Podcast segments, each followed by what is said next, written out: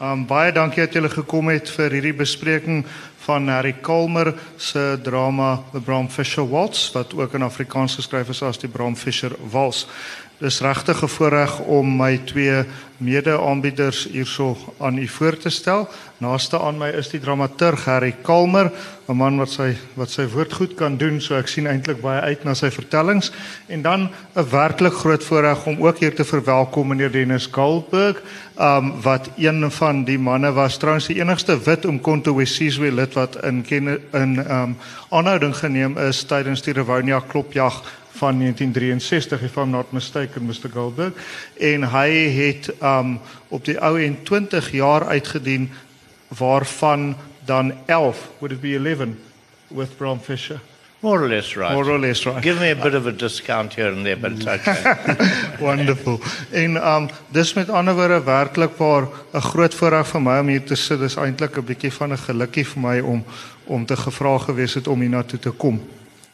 Ek dink ons kan lekker gesels oor sowel die drama as oor die lewe in die kommunistiese party wat soos wat ons weet um, in 1950 verban is deur die destydse nasionale party regering.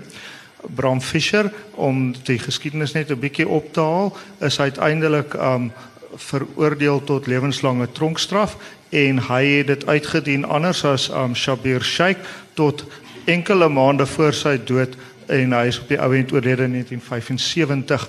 Um trouens um daarso sy laaste paar dae in die noordelike voorstede van Bloemfontein deurgebring en die mense wat ek ken in daai Waverley gebied van Bloemfontein sê die huis het heeltemal 'n toeriste attraksie geword in daai laaste paar weke wat Bram Fischer daar was.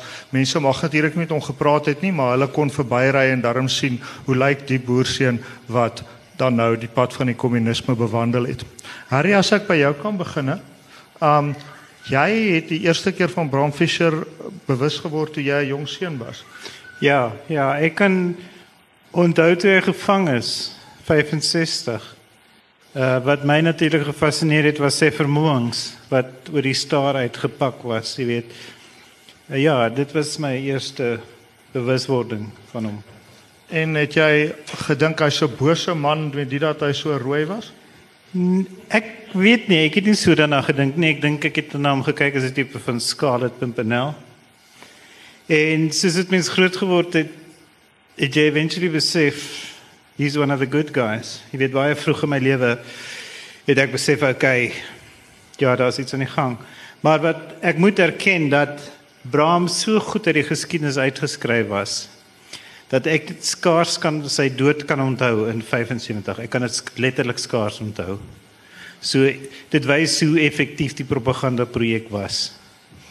Al ons sit hier so met 'n voormalige redakteur van die Burger hierso in die gehoor sien ek en um die Burger het daarom 'n groot hoogtepunt gehad in daardie um, met die afsterwe van Bram Fischer toe Pietselier op 'n werklik verstommende manier aan hom hulde gebring het. Hy het gesê dat as jy iemand van die statuur uit jou volksfees verloor, dan moet jy jouself sekere vrae afvra. Mr. Goldberg, when did you first hear of Bram Fisher?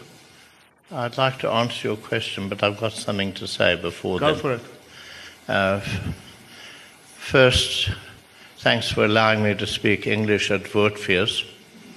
It shows that Stellenbosch is at last opening up to the world. and that's very nice to see in a country where we're enjoined by our constitution to create a cohesive, inclusive society. So it's very nice. It's also very nice for Stellenbosch University to have honored Bram Fischer amidst great controversy. Such controversy that the young woman who is here tonight, Yvonne Milan, who proposed Bram's honorary posthumous doctorate, got beaten up and severely wounded and injured by right wing Afrikaner students. Wendy Berger was shocked that Stellenbosch University should honor this Volksverleiher. I can speak Afrikaans. Yes. and you may if you wish. And so things change and change slowly. History takes day by day. I wish it was faster and quicker. But Bram Fischer isn't honored enough in the world. I don't know of any place named after him except Bloemfontein Airport, the Bram Fischer Airport, because that was his hometown. And it's a deserved honor for a man who gave his life for our new South Africa. A man whom Nelson Mandela, no less, says showed him that not all Afrikaners are anti black racists. Uh, great achievement. I think Nelson Mandela should have understood that anyway. But you need positive examples always. I must say it's also nice to have Bram's daughter Ruth here and her husband uh, to be at this event and to see Stellenbosch opening up like this. Um, I think it's important in our current situation where examples of racism that Bram abhorred that should be taking place here. And uh, that's the starting point. There's something else about Bram Fischer. Everybody in government and the security police knew that Bram Fischer was chairman of the illegal Communist Party. So much so that Dr. Verwoerd, in looking for a way forward for the folk, invited Bram to his office to have a discussion about communism. Was this a policy for the Afrikaner folk? And he found this very interesting, did Dr. Verwoerd. Maar nie vir Afrikaner folk nie. Liewer vir die ander mense. And so there's Bram defending us in the Rivonia trial when he's one of us. And there are documents bearing his handwriting being presented in the court. And him saying to us he felt safe from arrest while he was defending us during the trial because the apartheid government had to show the world, meaning United States, Britain, France, Germany, that we were democratic and could have a fair trial. In a trial where the law did away with the concept of innocent until proven guilty, the Sabotage Act under which we were charged said if you can ha- if there's a case against you, you have to prove your innocence. Well, you remember when you stole cookies from the pantry, how impossible it was because the crumbs were all over your shirt. so, nevertheless, Bram defended us. And weeks after the end of the trial, he was arrested, as you know. These are remarkable acts of courage and determination so much so that during the trial, he took me aside one day to ask me what I thought of our situation. And um, I, we all expected to be hanged. Uh, there was no question that was what the state wanted uh, the prosecution and security police. And I didn't think it worth answering that question because justice is about politics in the end. There's no absolute in law and decisions uh, that are made by courts. Ministers overthrow them in the past and now. Um, and I said I thought apartheid was living on borrowed time. And Bram, who had a golden tongue in English and Afrikaans, it was a delight to hear him speak. He never swore in those days. Hey, man, you should have heard him afterwards when he was a prisoner. Did I learn my swearing vocabulary from him? It was remarkable. What a change. But in those days, he never swore, and I said, Apartheid's living on borrowed time. And he said, We'll get the bastards, won't we? And it was hmm. such a powerful statement. His absolute iron backbone and his belief of the, what the future had to be. Now I can answer your question. Good. um, no, I, I, um, I wanted to know um, when first did you become aware of Bram Fischer and in what way? One was always aware that there was this guy, Bram Fischer. And, uh, but I lived in Cape Town and he in Joburg. And eventually I met him.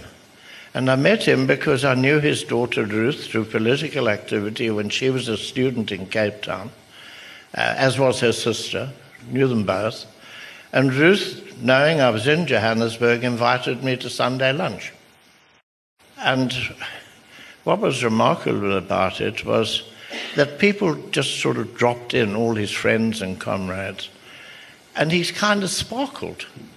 Uh, whatever topic there was, uh, he was asked his opinion, and his beloved wife and comrade Molly would sort of float in and out with trays of food and drinks and what have you, keeping the whole thing going. And Bram was very polite to me. Uh, he had just been handling a case of uh, road construction, and me being a civil engineer, he was asking me questions about it. And he knew more of the theory of road building than I did. It was embarrassing, I he told me it's a quick study that lawyers learn. You know, whatever case you're in, you learn it. Um, but what struck me was that with 10 or 15 people, maybe more, floating in and out, and then some staying for lunch and some not, he was the center of attention. And he sparkled. Um, that's when I really got to know him. And of course, in prison for nine years, not 11, uh, you get to know each other intimately, better than you know your spouse and your family, because you're together 24 hours a day, seven days a week, 365 days a year, and damn it, they're leap years when there's an extra day. Um,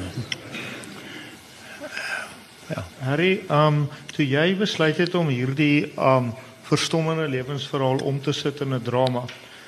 Hoe het jy te werk gegaan om dit 'n dramatiese teks te maak wat 'n gehoor in Oudtshoorn toe ek dit bygewoon het in die dorp van die Boerehaat verkiesing van 1972 'n staande ovasie te laat gee. Hoe maak jy 'n wat inherënt in 'n sekere sin 'n monoloog is van 'n stuk geskiedenis in 'n drama stuk in? Ek dink dit was alles daar gewees. So ek het nie vreeslik baie werk gedoen nie. Ehm um, Dis vir my interessant dat jy daai aand noem want daai aand was daar 'n klomp comrades van die ehm um, van die township gewees in die gehoor. En dit is bietjie soos om terug in die 80's te wees, in die meetings in die 80's.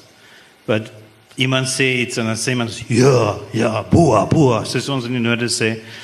En dit was daai aand in in Oudtshoorn het het hierdie kamerads hulle was ouer mense, hulle was my ouderdom. En hulle daar gesit en hulle het gesê, "Yes." En dit was een van die laaste vertonings wat ons in Afrikaans gedoen het. En dit was vir my soort van tekenend van die hele proses van Brahms se storie vertel. Ehm um, die storie was daar, ek moes hom net gryp. Ehm um, ek wil ook graag iets deel met julle. Ek het met drie mense gepraat wat vir Brahms geken het. Ek het met ek het begin met Juloon en jy het vir my gesê you must ask Ilse you must ask Ilse. And and then it said no Dennis would remember that Dennis would remember that. En jy het baie goed gegaan want jy is ook 'n skrywer hy's ook 'n joernalis. En ek het ingegaan met vrae. En toe ek so vol confidence dat ek Ilse gebel het.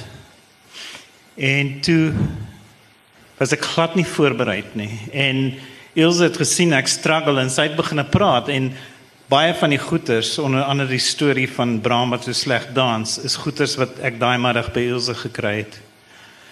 En toe het my uitgewer my af Kaap toe gevlieg vir 'n funksie.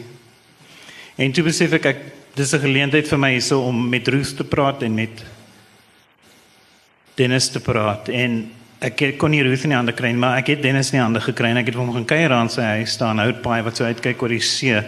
And I walked into this raconteur, this man who was hy sê die myn van inligting oor Braam en liefde vir Braam en dat iets daai maar gebeur. Wat met Ruth gebeur het, wat met Hugh gebeur het. Op 'n stadium wanneer hulle oor Braam gepraat het, het hulle in Afrikaans begin praat. En dit was vir my so 'n tekenende oomblik geweest. Jy weet want voordat ek met die projek begin het, het ek geglo Braam is vir Engels. Meeste mense in Joburg is vir Engels. En Braam was nie vir Engels nie. Braam was deur en deur 'n boer. En dit het vir my dit is vir my 'n belangrike ding wat ek besef het. Ehm um, in in hierdie gesprekke met met mense wat hom goed geken het, was was hierdie oomblik dat hierdie man hierdie mense wat so articulate in Engels was, dat hulle op 'n stadium net spontaan begin Afrikaans praat het. En dit sê vir my so baie. En dit is ook ek wil graag met julle deel uit die toneelstuk. Ek het nie, mense vra vir my altyd hoekom het ek hierdie play geskryf? En ek het uh, Mary Benson se uh, The Sun Will Rise Again in die 80s in in in Londen te lees gekry. En ek het op die tube gesit en ek het gelees en ek het gehuil. Maar ek het daarvan vergeet. Ek het teruggekom Suid-Afrika toe en probeer om die play te vertel terwyl die ANC en die SAKP nog verban was. Uh dit het nie gebeur nie. Barney Simon wat by die mark was op daai stadium het homself doodgelag toe ons kom met die proposal want hy was probably one of the people who drove Mary around meeting Brahm. So it was dit was daai tipe goedjies en toe jare later toe ek die stuk skryf toe vertaal ek wat ek nou vir julle gaan lees en dis Brahm se betoog met sy vonnis. En dis snaaks, ek het dit eers opgetel toe ek dit terugvertaal Engels toe en ek wil graag met julle deel wat vir my die kwintessensie van Brahm se quest se journey se geloof en alles was. En wat vir my belangrik is in hierdie ding is is is 'n ding wat you Lewin vir my right up front gesê het, don't think you can talk about Brahm without talking about Brahm the communist. Jy weet ek jy moet hom nie probeer om 'n soort van 'n super Afrikaner te maak nie. Brahm was 'n marxist tot en met sy dood. En dit was 'n baie belangrike noot vir my gewees en ek het probeer om dit te respekteer alhoewel die marxisme vir my heeltemal 'n teoretiese veld was. Maar ek wil graag met julle deel wat Brahm gesê het in sy vonnis. Dit uit dit in Engels gesê.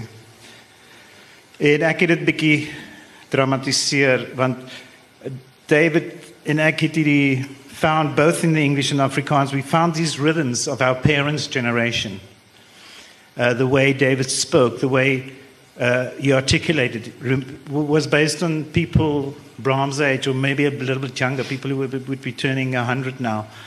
So we found this, and this was, this was one of the keys. en my gedagtes, o, ek moet my gedagtes 25 jaar laat teruggaan om presies vas te stel wat my motivering was om by die kommunistiese party aan te sluit. In my gedagtes staan daar twee redes uit vir my betrokkeheid by die kommunistiese party. Die een is die skreiende sosiale ongeregtigheid in ons land. Die ander is die leidelike besef, soos ek meer en meer by die kongresbeweging betrokke geraak het, dat dit altyd die lede van die kommunistiese party was wat bereid was om die meeste op te offer, hulle beste te gee in die stryd teen diskriminasie en armoede. Ek glo dat Suid-Afrika is op pad na 'n 'n burgeroorlog. En dat so 'n oorlog nooit deur wit mense gewen kan word nie. Maar wen of verloor u edele, die gevolge vir hierdie land sal verpletterend en blywend wees. Daar is 'n verdere verpligting op my skouers, edele. My optrede beteken dat minstens een Afrikaner aktief proteseer. Ek is ernstig bekommerd oor 'n toekoms waar die Afrikaner die skuld gegee gaan word vir al die ewels en vernedering wat apartheid veroorsaak het. Dit voorspel niks goed nie. Dit het onder alle nie blankes 'n diepliggende haat vir Afrikaners, ons taal en ons politieke en rasse uitkyk veroorsaak. Om hierdie muur af te breek sal groot wysheid, leierskap en invloed verg van Nelson Mandela en die ander leiers wat tans weens hulle politieke oortuigings in die tronk sit. Dit vereis ook dat Afrikaners openlik en duidelik teen diskriminasies moet proteseer. So vir my was dit En dit het ek eers besef toe ek die toneelstuk klaar was klaar geskryf het. Dit was hoekom ek die storie wou vertel. Ek wou die storie vertel van Bram die mens, want dit was fascinating vir my gewees. Maar daar was die storie van Bram die kommunis en daar was die storie van Bram die Afrikaner en dit was die drie stories wat ek probeer vertel het. Mr. Goldberg, you said you had quite an emotional um, reaction to the play, and then you told me a lovely story about Bram the gardener. Well, You asked how did Harry take this story and turn it into a play, a dramatic piece. Well, in preparation for this, the organizer sent me a copy of the play in English, published by Wits University Press. I read the first page. I couldn't read further. You captured it so, captured Bram so accurately. It was like I was with him in prison. And that's very powerful. I don't know how you do it. If I did, I'd be the playwright, you see. Um, I just write heavy prose. And, um,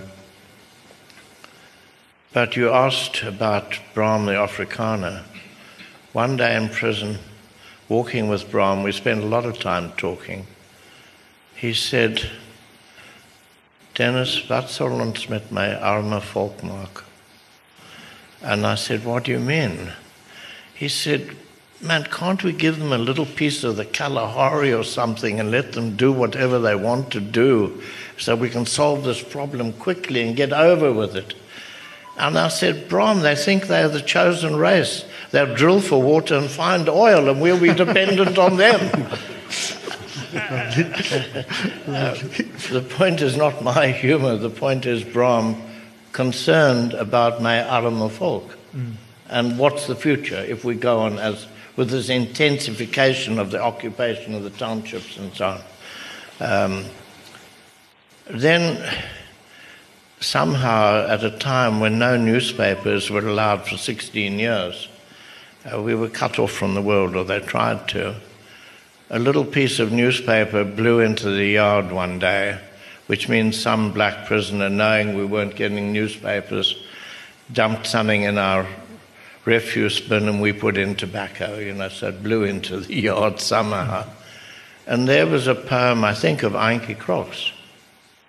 And Bram was so proud that a young woman of his people could write such poetry with such deep understanding.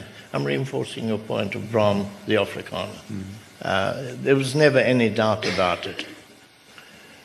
But the essence of Bram's life was this conflict between his duty as an officer of the court to uphold the laws of the land and his moral duty to oppose what those laws were making of our society. And um, having had the privilege of studying politics and a bit of philosophy in prison for year after year after year, I've come to the conclusion that the way one resolves moral conflicts between what is in reality and what ought to be morally right is through action. And that's what Bram, the revolutionary, did in so many ways. Um, and there's the conflict in his life, which he refers to in that speech to the court, to the before sentence. Uh, there is a, a higher law of humanity, of decency, of justice, uh, that you have to follow if you have conscience as a human being. Um, I think it's important to understand that conflict. If you're on his side, that's heroic. If you're not on his side, you say he's a traitor.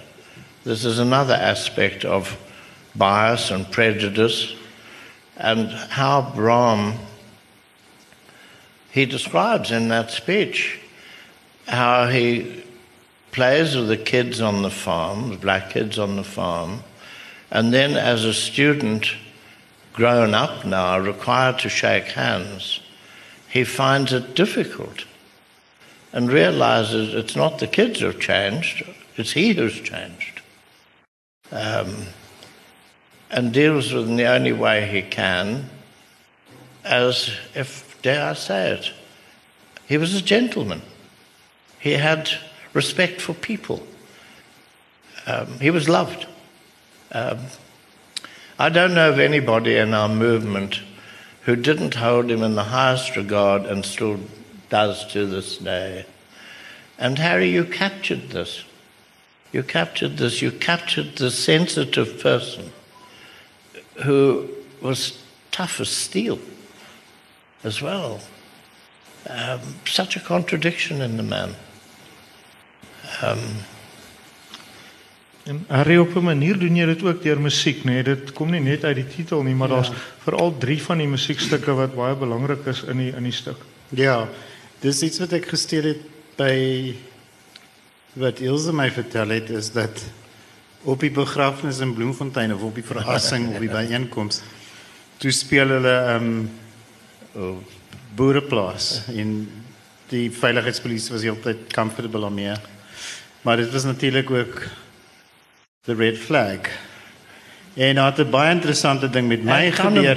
Ja, ja, in Tannenbaum. Ek wil nou nie dit reken nie. Maar daar het 'n baie interessante ding met my gebeur toe ons Bram Fischer hier in Bloemfontein gedoen het, ag hier in Stellenbosch. Ehm um, in 2012 of 2013 het daar twee ouens na my toe gekom en met my beklei omdat ons nie die rooi vlag in Afrikaans gesing het nie. And they promptly burst into an Afrikaans version of Die Rooi Vlag of um you know, you know that's the type of thing that that's just so fascinating and I was very lucky in getting those things and you know like one of the big shocks to me was that Bram wasn't a reader, or not the type of reader that I am. I had this thing. So, how do you get into another person's head? You look for things that um, that you share, and I assumed that he would be a reader because he was an intellect. Hy was soos wat ons in Afrikaans sê 'n sidderende 'n sidderende intellek. En in die eerste meeting wat ek met jou gehad het, het vir my hy sê vir my nee, Bram was nie 'n vreeslike reader nie en hy het my hierdie storie vertel van een van die boeke that came his way was Slaughterhouse 5 van Kurt Vonnegut. Ja. 'n Boek wat my lewe verander het en my dalk 'n skrywer gemaak het. En en dis weer hierdie ding wat people adapt stances when they spoke of Brahm. Like you was still healthy at the time and he, he like said and, and he laughed and he said and Bram came out and he was so cross and he hated Slaughterhouse 5. He absolutely hated it.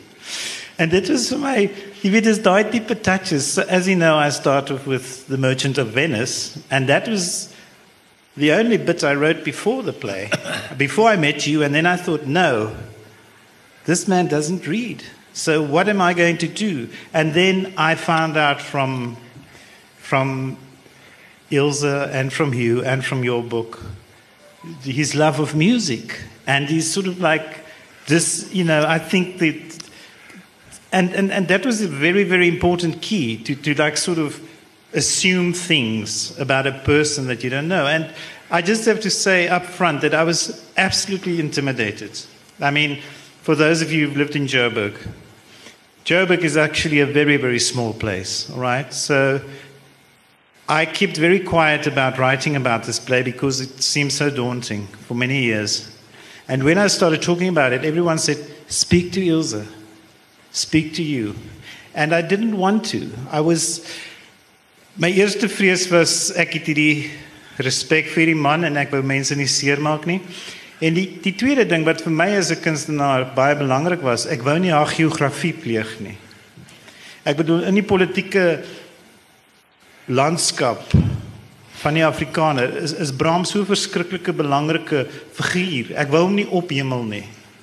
Ehm um, en dit was nogal moeilik geweest en maar terselfdertyd we David and I have had so much fun doing this play. The weirdest things happen. Like in Joburg, we did it in, in, in Tim's church.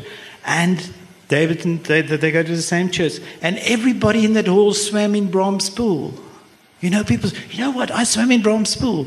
Another guy came, I spoke to somebody in Sweden tonight, and she said she swam in Bram's pool. You know, so there was this whole, there's this whole network of anecdotal lichtstories and connections that absolutely made the whole process so joyous, you know. And there was this lady in Bloemfontein. Everybody's sang it's in Bram's pool, but Molly was carrying the scones and cool drinks. Am I right?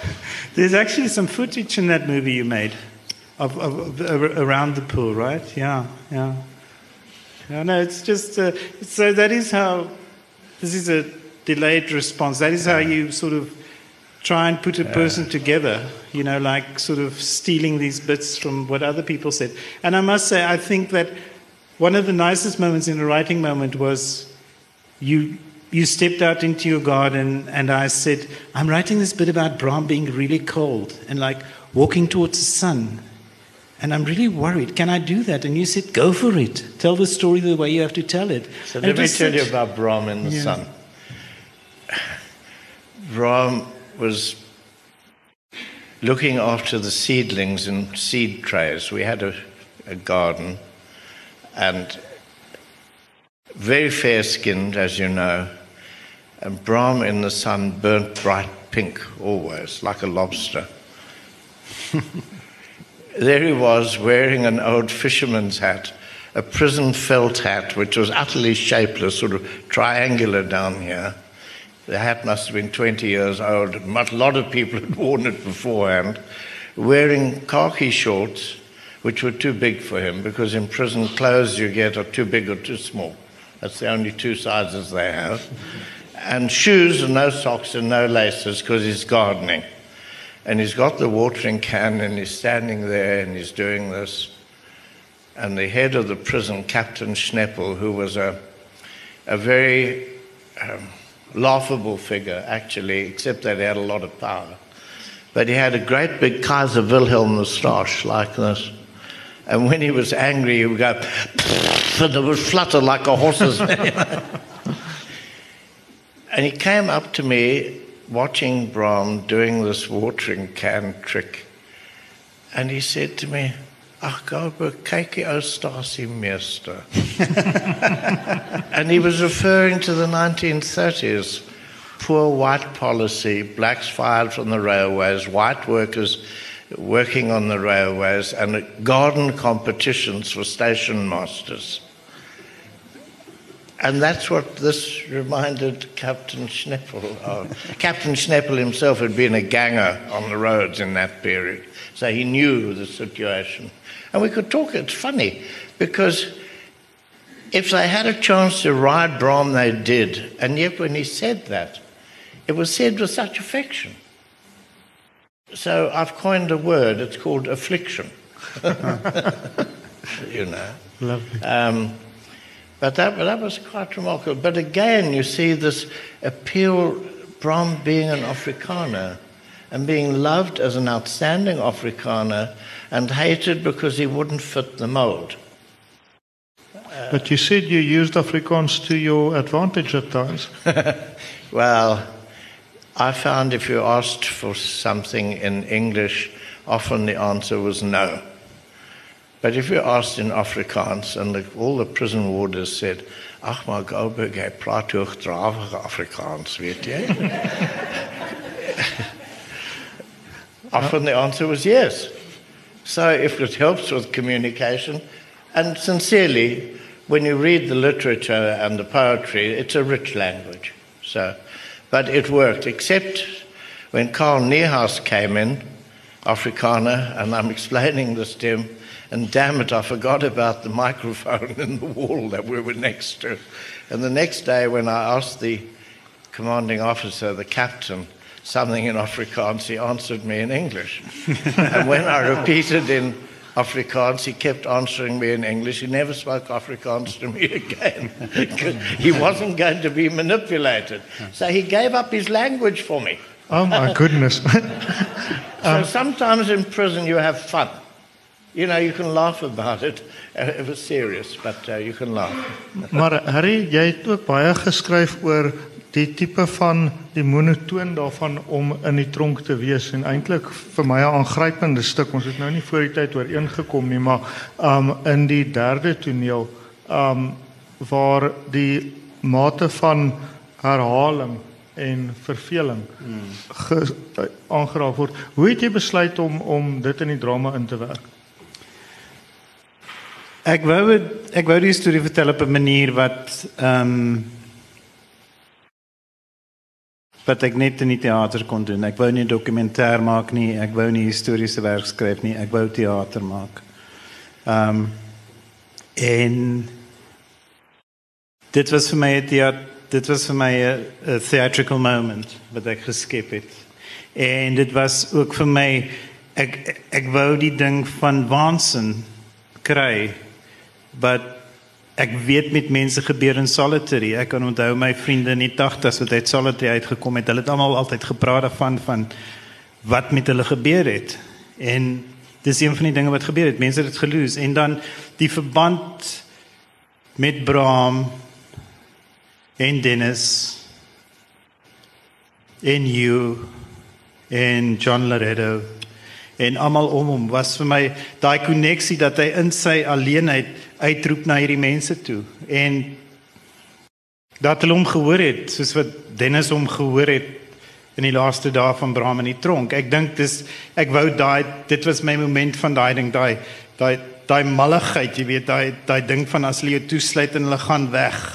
Dis dis skrikwekkend. Ek weet nie dit dis vir my net te erg en en dit was terselfdertyd ook 'n celebration van hierdie koneksie van netwerk wat daar tussen mense in sulke situasies ontstaan het. Wel vir my was dit een van die dele wat dit nie tot 'n geografie gemaak het nie waar jy juis sy kwesbaarheid gewys het. Ja. Die ander groot stap of gebeurtenis natuurlik is deur die ander stuk musiek um voorgestel. Ja. En dit was die dood van sy vrou. Ja. Ja, ja. Ek dink dit is die belangrik dit is dit is vir my voordat ek daarby uitkom, dit was die ding van as as mens gaan kyk na Brahms se die vroue in Brahms se lewe, alhoewel dinge sê Molly wat rondloop met die ding. Was was dit vir my baie interessant hoe belangrik vrouens was van ouma Figart tot by sy ma, tot by Tannie Tibby tot by sy dogters. Vrouens was geweldig belangrik in sy lewe en dit was vir my 'n manier om om dit te ding. En die vroue wat dan verskyn of gehoor word in hierdie toneel wat sê don't worry Bram, the sun will rise again. Wat terugverwys na sy speech en dan terugslaan na die Hollandse son sal weer rise en wat vir my die die hele tema was want ek het die eerste keer in die storie teëgekom in in 86 jy weet toe ons in Londen gebly het en jy weet dinge was wild. Ek kan onthou eendag het ons met Amerikaners gesit en praat en en ehm um, in Londen en en hulle het vir my gesê nou wanneer gaan hierdie ding tot 'n einde kom? En ek het net gesê ek weet nie. Jy weet dit was nie daai ding van daai gevoel van hierdie ding gaan nooit nooit nooit ophou nie. Hierso kom 'n burgeroorlog, hierso kom 'n helse ding en dis vir my daai ding wat wat Bram en sê laat hy teruggryp na Paul Creer toe in sy speech en dit aanhaal en en daai soort van oomblik skep van hoop. En trouens dis ook in die verhoog inkleding um was dit vir my een van die beste dramatiese punte nê. Nee. Um was hoe dat die um die kleur rooi en dan die verskillende afbeeldings van van as ek die woord volksleiers kan gebruik gebruik is miskien wil jy vir mense wat dalk nie die opvoering gesien het nie um vertel daarvan. Ja. Ehm um, ek dink dit was dit was iets wat ons op die laaste oomblik besluit het. Ehm um, dit was vir my ek weet nie dis ek weet nie of ons reg so daarna gekyk het nie, maar dis weer eens net die dramatiese oomblik die oomblik van Bram en Percy en hulle oupa Abraham. Ehm um, en dan die foto van David as Bram self en dan reg aan die einde die rooi vlag wat hom bedek terwyl die rooi vlag gesing word. So dit was vir my daai daai simboliek was seker daar maar dis ook jy weet as 'n teatermaker dink jy what's going to look great on stage. Maar ja, ek dink is dit vir net daai rooi is belangrik, ja. Mr. Goldberg, um, did you at any stage in this period of incarceration discuss the differences or perhaps the way that the um, theory of Marxism came to fruition, especially in the Soviet Union, which um, Bram Fischer visited in the 30s and um, which is sometimes criticized for its violence? Did we discuss the way for instance, the under aberrations Stalin. in the Stalin era yes. as against the theory. Yes. Um, Bram's attitude, as far as I remember, was they might be making mistakes in their situation. What we're looking for is a morally equitable way of living to overcome the disabilities of racism in our country. How do we achieve some kind of equality when there's such disparities of ownership of land, uh, the means of production, mines, factories, etc.? And the theory requires that we have an equitable society, and therefore he held on to the theory. We had endless discussions about that and how we would apply it in South Africa.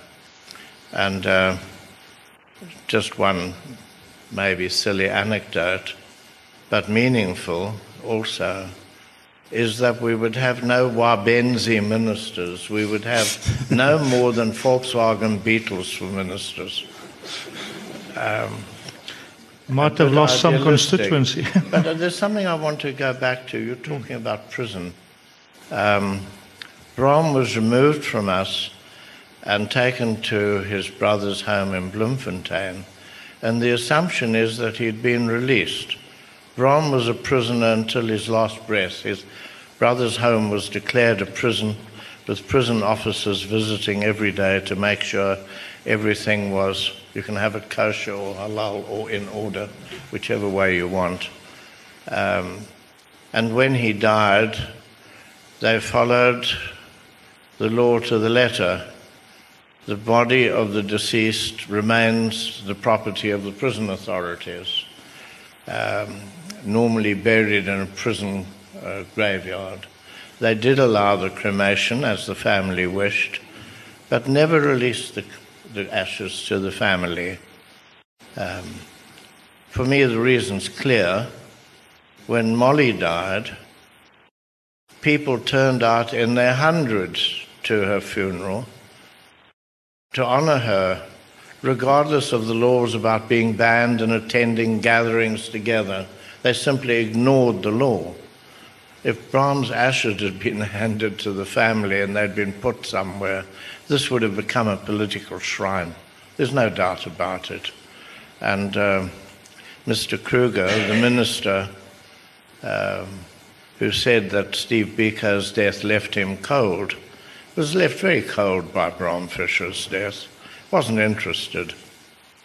And when asked for compassion, said Bram Fischer signed a memorandum very harshly criticizing the government's prison policies. Well, there was a judicial commission of inquiry into the penal system. Bram drafted something. Um, he became very ill, was taken away. I worked on it together with Marius Schoon. Bram brought back from hospital. I said we'd finished it. These are the changes we've made. Shall I sign for him per pro? And he said, no, sign his name, which is legal provided the person whose name you sign gives you permission. And so Jimmy Kruger, minister, said, Bram Fischer, to his dying day, was hostile to the government and our policies. I will not show any leniency at all. Um, Bram removed from us, I asked my father at a visit to send a telegram of birthday greetings. How old would he have been, Ruth, in his last years? 67th birthday. And shortly afterwards, shortly after that birthday, he died. And a prison officer visits me to charge me with the prison offense of communicating with a prisoner without permission for wanting to send a telegram. And I said, How? He said, Well, we've got a recording of what you asked your father to send in the telegram. We've got the telegram. And so you were communicating. And I said, Did you deliver the telegram? He said, No, it was illegal. and I said, What sort of a man are you? We've lived together for nine years. I'm sending him a birthday greeting, and you stop the greeting when he's dying? I must tell you, I then gave him a lecture about the Nuremberg trial. Did I give him a lecture? What sort of a mean bastard are you? And I ended on a high note and stormed out of the room. It's a prison. The door was locked. it was a great performance. And I enjoyed it. He then said he was going to charge me with the prison offence. And I said, Do. I want you to charge me. Imagine if this had got out. You go to court, because our lawyers would have brought to court, not an internal process. And the whole world knows, you know, they dropped the charge. Damn it. Mr. Goldberg, before we get to questions, you wanted to say something about Bram the Internationalist and invite people. You know, I told you about not having newspapers. Again, a little piece of newspaper flew into the yard somehow. And it was a story of a Soviet cruiser passing through the Straits of Malacca under the noses of the heads of the Commonwealth countries. And there was a frisson of fear of this great naval power, developing naval power. Within days, Bram had worked out a strategy of how the Indian Ocean would become the turning point in the battle between East and West and would enable the eastern seaboard of Africa to be liberated. Well, you talked about Hugh Lewin. Hugh Lewin remembered this and took this message out, which eventually got passed on. Fred Carneson did it again later. But Bram's sense of the world, of South Africa in the world, of our role in the world, never, it never failed. It was there all the time. And so, you see, I have an exhibition on at the castle of Good Hope, and Bram would have loved the Good Hope part. It's an exhibition which I've called Decolonizing the Role of the Third World in World War II the peoples of Africa, of Asia, of the uh, Oceania, the, the Pacific, are written out of history. We know England fought Germany, Achtung, Spitfire, and that sort of stuff. South Africa had some white soldiers up north. How many of us remember 80,000 Africans in the native military corps, 23,000 peak in the Cape Coloured Corps, of their heroism, of the role they played, and a million African soldiers fighting for the British, a million fighting for the French and dying, let alone what happened in Asia and the Far East and the Pacific. And I believe I saw this exhibition in Germany six years ago. The opening panel is our liberators, and they're black soldiers. What a turnaround in history. It's taken me six years to get it to South Africa, to raise the funds, have it translated into English, to add a significant South African section. It's on at the castle. I do want you to go. It's on till the 30th of June here. We have funding to take it to Pretoria, it's going to go to Joburg, another two years in South Africa after that, and I'm hoping throughout English speaking Africa thereafter. Why? Because our Constitution enjoins us to build a cohesive society, an inclusive society. An inclusive society requires that we acknowledge the role of all our people in our history not just South Africa, of Africa, of Asia, of the millions who died of starvation because the Western powers took the food to f- serve their armies. People died of hunger and starvation, besides being fighting soldiers, and the raw materials taken without proper compensation, let alone the lack of compensation when they were demobilized in comparison with white soldiers. Throughout the British Commonwealth, for example, and France, I believe to make some kind of restitution to people, not just in South Africa, throughout the world, for being written out of history, for enabling us to defeat the Nazis and Japanese militarism so we could attempt to build a democracy. We need to acknowledge people and their role. Therefore, this exhibition. I want to tell you, I've known about all the facts all my life. And when I saw it put together in this really magnificently studied exhibition, I was bowled over by it, and I know you will be too. So, please, the Castle of Good Hope in the Military Museum. Let's have a look at our history. And our students are talking about decolonizing history.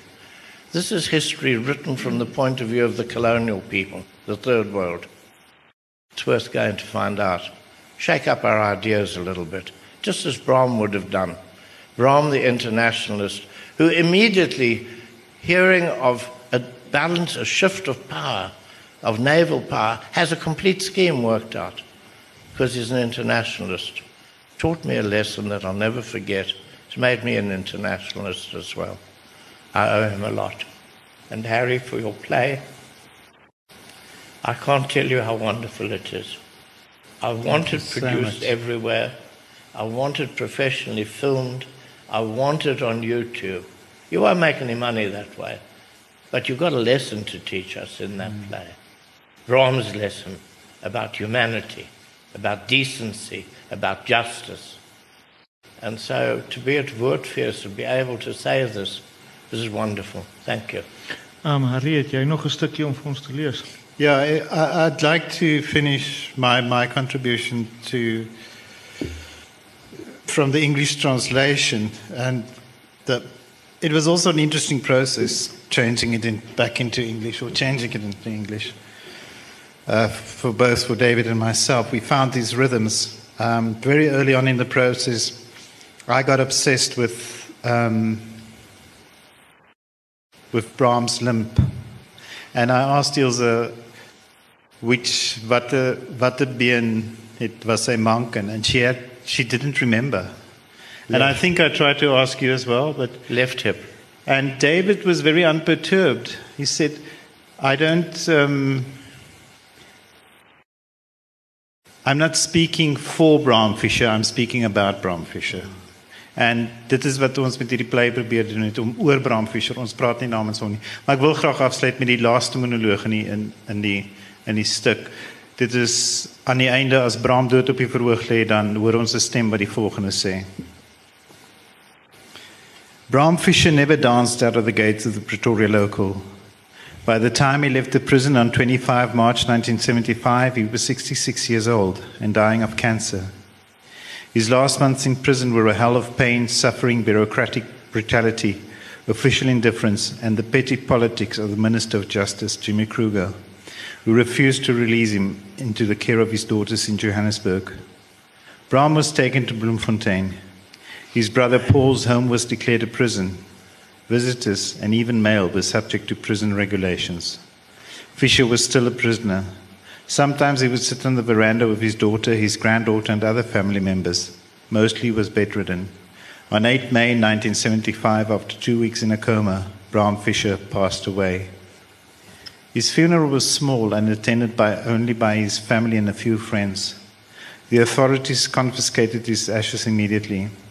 More than a year later, without the knowledge of his family, his, res- his remains were strewn in an unknown place in Bloemfontein. So eindig die drama.